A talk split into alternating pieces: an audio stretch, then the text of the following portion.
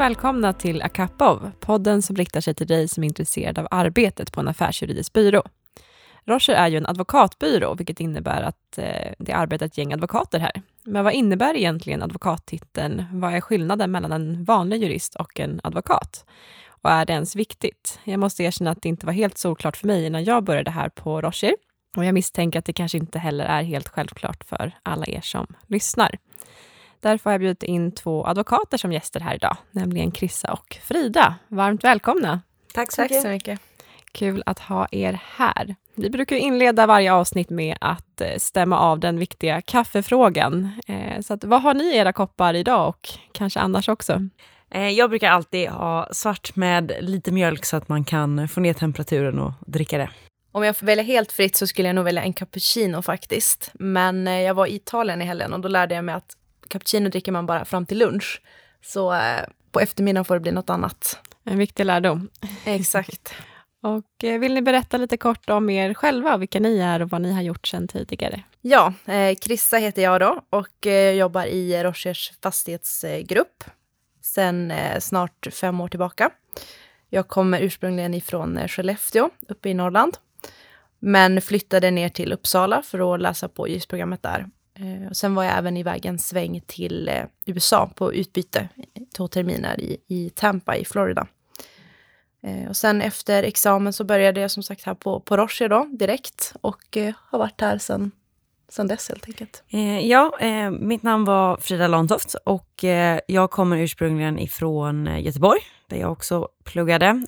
Jag tog examen 2014 och började därefter på Rocher Eh, jag jobbar i bank och finansgruppen eh, och jobbar ju framför allt då med eh, banklån och obligationsfinansieringar.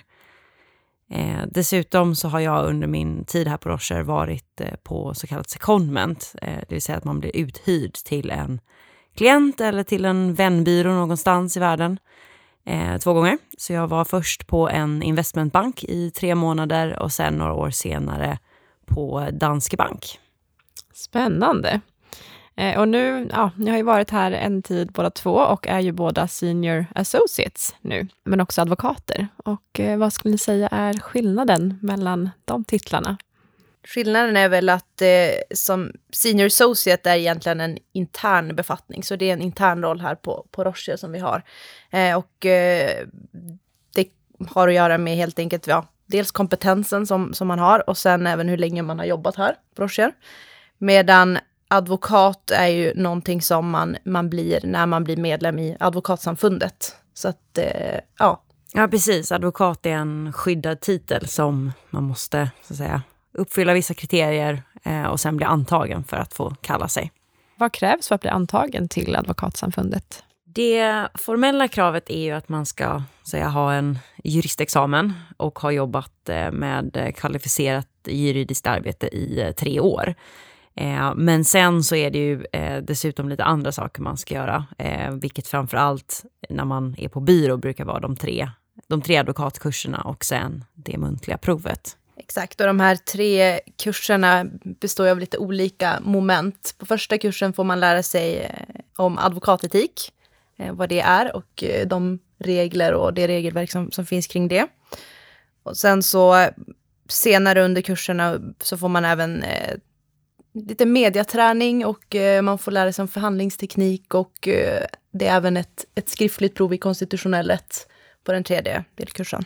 Och hur går själva antagningsprovet till sen när man har gått igenom de här kurserna och lärt sig alla de här delarna? Alltså, det är väl den mest eh, absurda upplevelsen man har varit med om sen, eh, sen ja, jag vet knappt om, om eh, tentan på universitetet ens räknas in.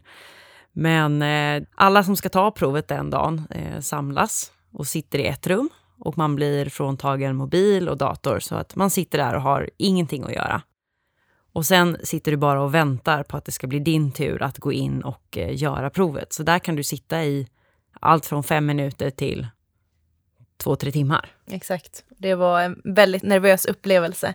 Eh, och eh, väldigt, som du säger Frida, väldigt speciell upplevelse. Jag tror aldrig jag i alla fall har varit med om någonting liknande.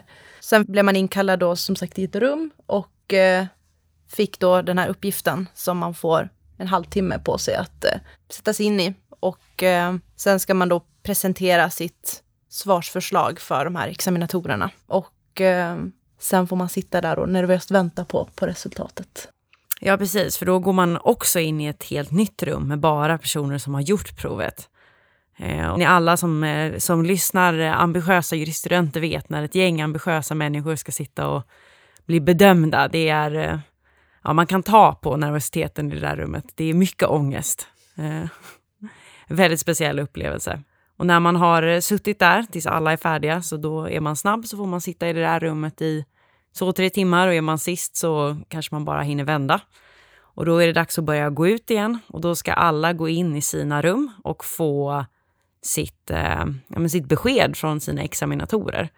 Och då står man i en liten kö utanför de här rummen och så går man in en och en. Och ja, alla förstår ju att går det snabbt så har det gått bra. Man kommer ut med sitt papper. Går det långsamt har det inte gått så bra. Så att, eh, ja, det är en väldigt speciell, eh, speciell upplevelse. Eh, det kändes som att man skakade i hela kroppen när man, ja, fram till att man kunde gå ut därifrån. Det låter verkligen som en ordentlig prövning. Eh, var det här något ni liksom hade siktet inställt på redan sedan innan, eh, när ni började studera eller när ni eh, började som jurister? Eller hur har liksom vägen fram till det här sett ut för er? För mig var det nog ändå en tanke som väcktes redan under juristprogrammet, att, att eh, det, det vore kul att bli advokat någon gång och att det var liksom lite av en milstolpe så.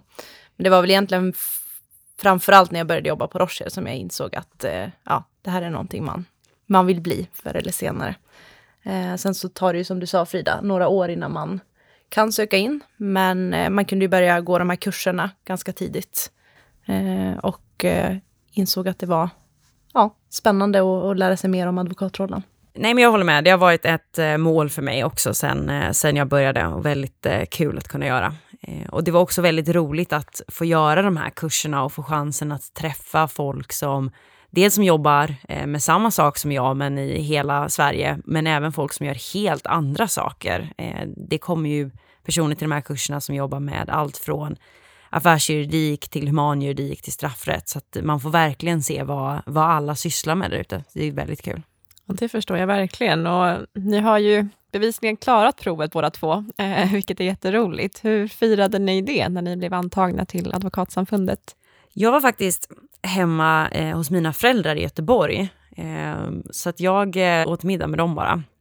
Eh, men jag såg att de hade en AV i gruppen för att fira mig, men den, den missade jag. Ja. Typiskt.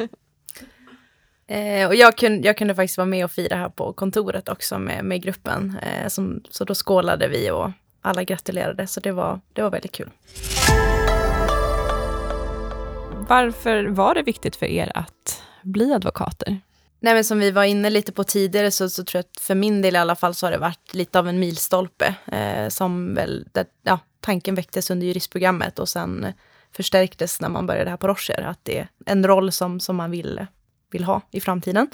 Sen så i och med att vi jobbar på en advokatbyrå eh, där det bedrivs advokatverksamhet så insåg jag väl också ganska tidigt att det är bra att känna till de reglerna som gäller för advokatverksamhet och eh, Eh, ja, men eh, till exempel de, de advokatetiska eh, reglerna som, som vi hela tiden har att förhålla oss till. Så det var väl också en anledning till att eh, ja, gå de här kurserna och sätta sig in i hur, hur det fungerar och, och vad som gäller helt enkelt. Jag tyckte också det var väldigt skönt att slippa rätta folk när de frågar om man var advokat. Att man inte behövde säga nej, jag är jurist. Så det känns väldigt skönt. Och ha det på pappret också. Ja, jag tror min mamma har sagt att jag varit advokat från början, så nu känns det skönt att hon inte ljuger. Nej, det förstår jag verkligen. Och utöver då att ni ja, kan ha det på pappret och att det är rätt, rätt titel och eh, sådär, har ni upplevt någon annan skillnad i ert, ert arbete sen ni blev advokater? Det är ju en, det är en ganska så att säga, begränsad skillnad från i det dagliga arbetet. Den, den stora skillnaden kanske för mig och Krissa är att eh, genom att vara advokat så har man så att säga, ett eget ansvar för att följa de advokatetiska reglerna och ett eget ansvar för att personerna som jobbar under en eh, följer de advokatetiska reglerna. Eh, så vi får som sagt ett, ett principalansvar för våra juniorer. Eh, det är väl den stora skillnaden. Precis, och utöver det som, som du nämner Frida så känner väl jag att man fick bättre inblick i till exempel de eh, prövningar och kontroller som vi behöver göra innan man antar ett uppdrag. Där finns det ju advokatetiska regler som, som reglerar hur det ska gå till. Ja, och sen rent praktiskt är det ju så att om du någon dag skulle vilja bli partner på en advokatbyrå så måste du också vara advokat själv. Och en följdfråga på det då, kan man bara vara advokat medan man arbetar på en advokatbyrå? Eh, och i så fall, vad händer om ni skulle sluta på Roche, eller till exempel som du Frida, när du var på secondment hos ett klientföretag?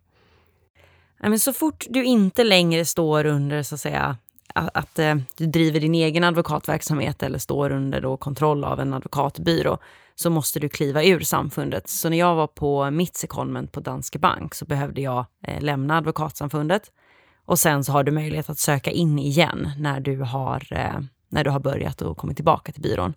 Och då behöver du inte göra om det här hemska provet, men du behöver eh, skicka in en ny ansökan eh, och lämna in lite material. Det var ju väldigt skönt att höra ändå att du inte behövde göra om provet i alla fall för att komma tillbaka till Advokatsamfundet. Och jag tänker nu när vi börjar runda av lite här i vårt samtal, har ni några sista tips till våra lyssnare eh, som kanske också funderar på att bli advokater i framtiden? Mitt tips skulle vara att eh, försöka gå de här kurserna så tidigt som möjligt egentligen. För att man får väldigt bra inblick och i och förståelse för eh, de regler som gäller för advokater och, och, hur man ska bedriva advokatverksamhet och så vidare. Så, så det skulle vara mitt tips att ta tag i det och, och, och gå de kurserna. Det är också väldigt roligt, som vi var inne på tidigare, för att man får träffa blivande advokater från, från hela landet. Eh, och det brukar vara väldigt kul. Mitt tips är att eh, tidigt föra en lista över alla motparter som du stöter på genom din karriär. Eh, för när du söker in till Advokatsamfundet så måste du uppge alla advokater som du har jobbat med och de kommer behöva uttala sig om huruvida du är en lämplig eh, person eller inte för att bli advokat. Så det är alltid eh, bra att börja med den listan tidigt, eh, särskilt om du jobbar i transaktionsgrupper, för då kommer du antagligen stöta på väldigt många människor under din karriär. Så eh, gör en ordentlig Excel-fil från början. Var det något du själv gjorde från start? Jag började, tappade det och sen hade jag en, eh, en jobbig eh, period när jag skulle sammanställa allt. Eh, då var jag ändå nöjd för mitt fina mappsystem i mejlen som hjälpte mig. Då vet du vad du pratar om och vad du tipsar om också. Det är toppen. Tack så mycket Krissa och Frida för att ni har varit med i dagens avsnitt. Tack för att vi fick vara med. Tack.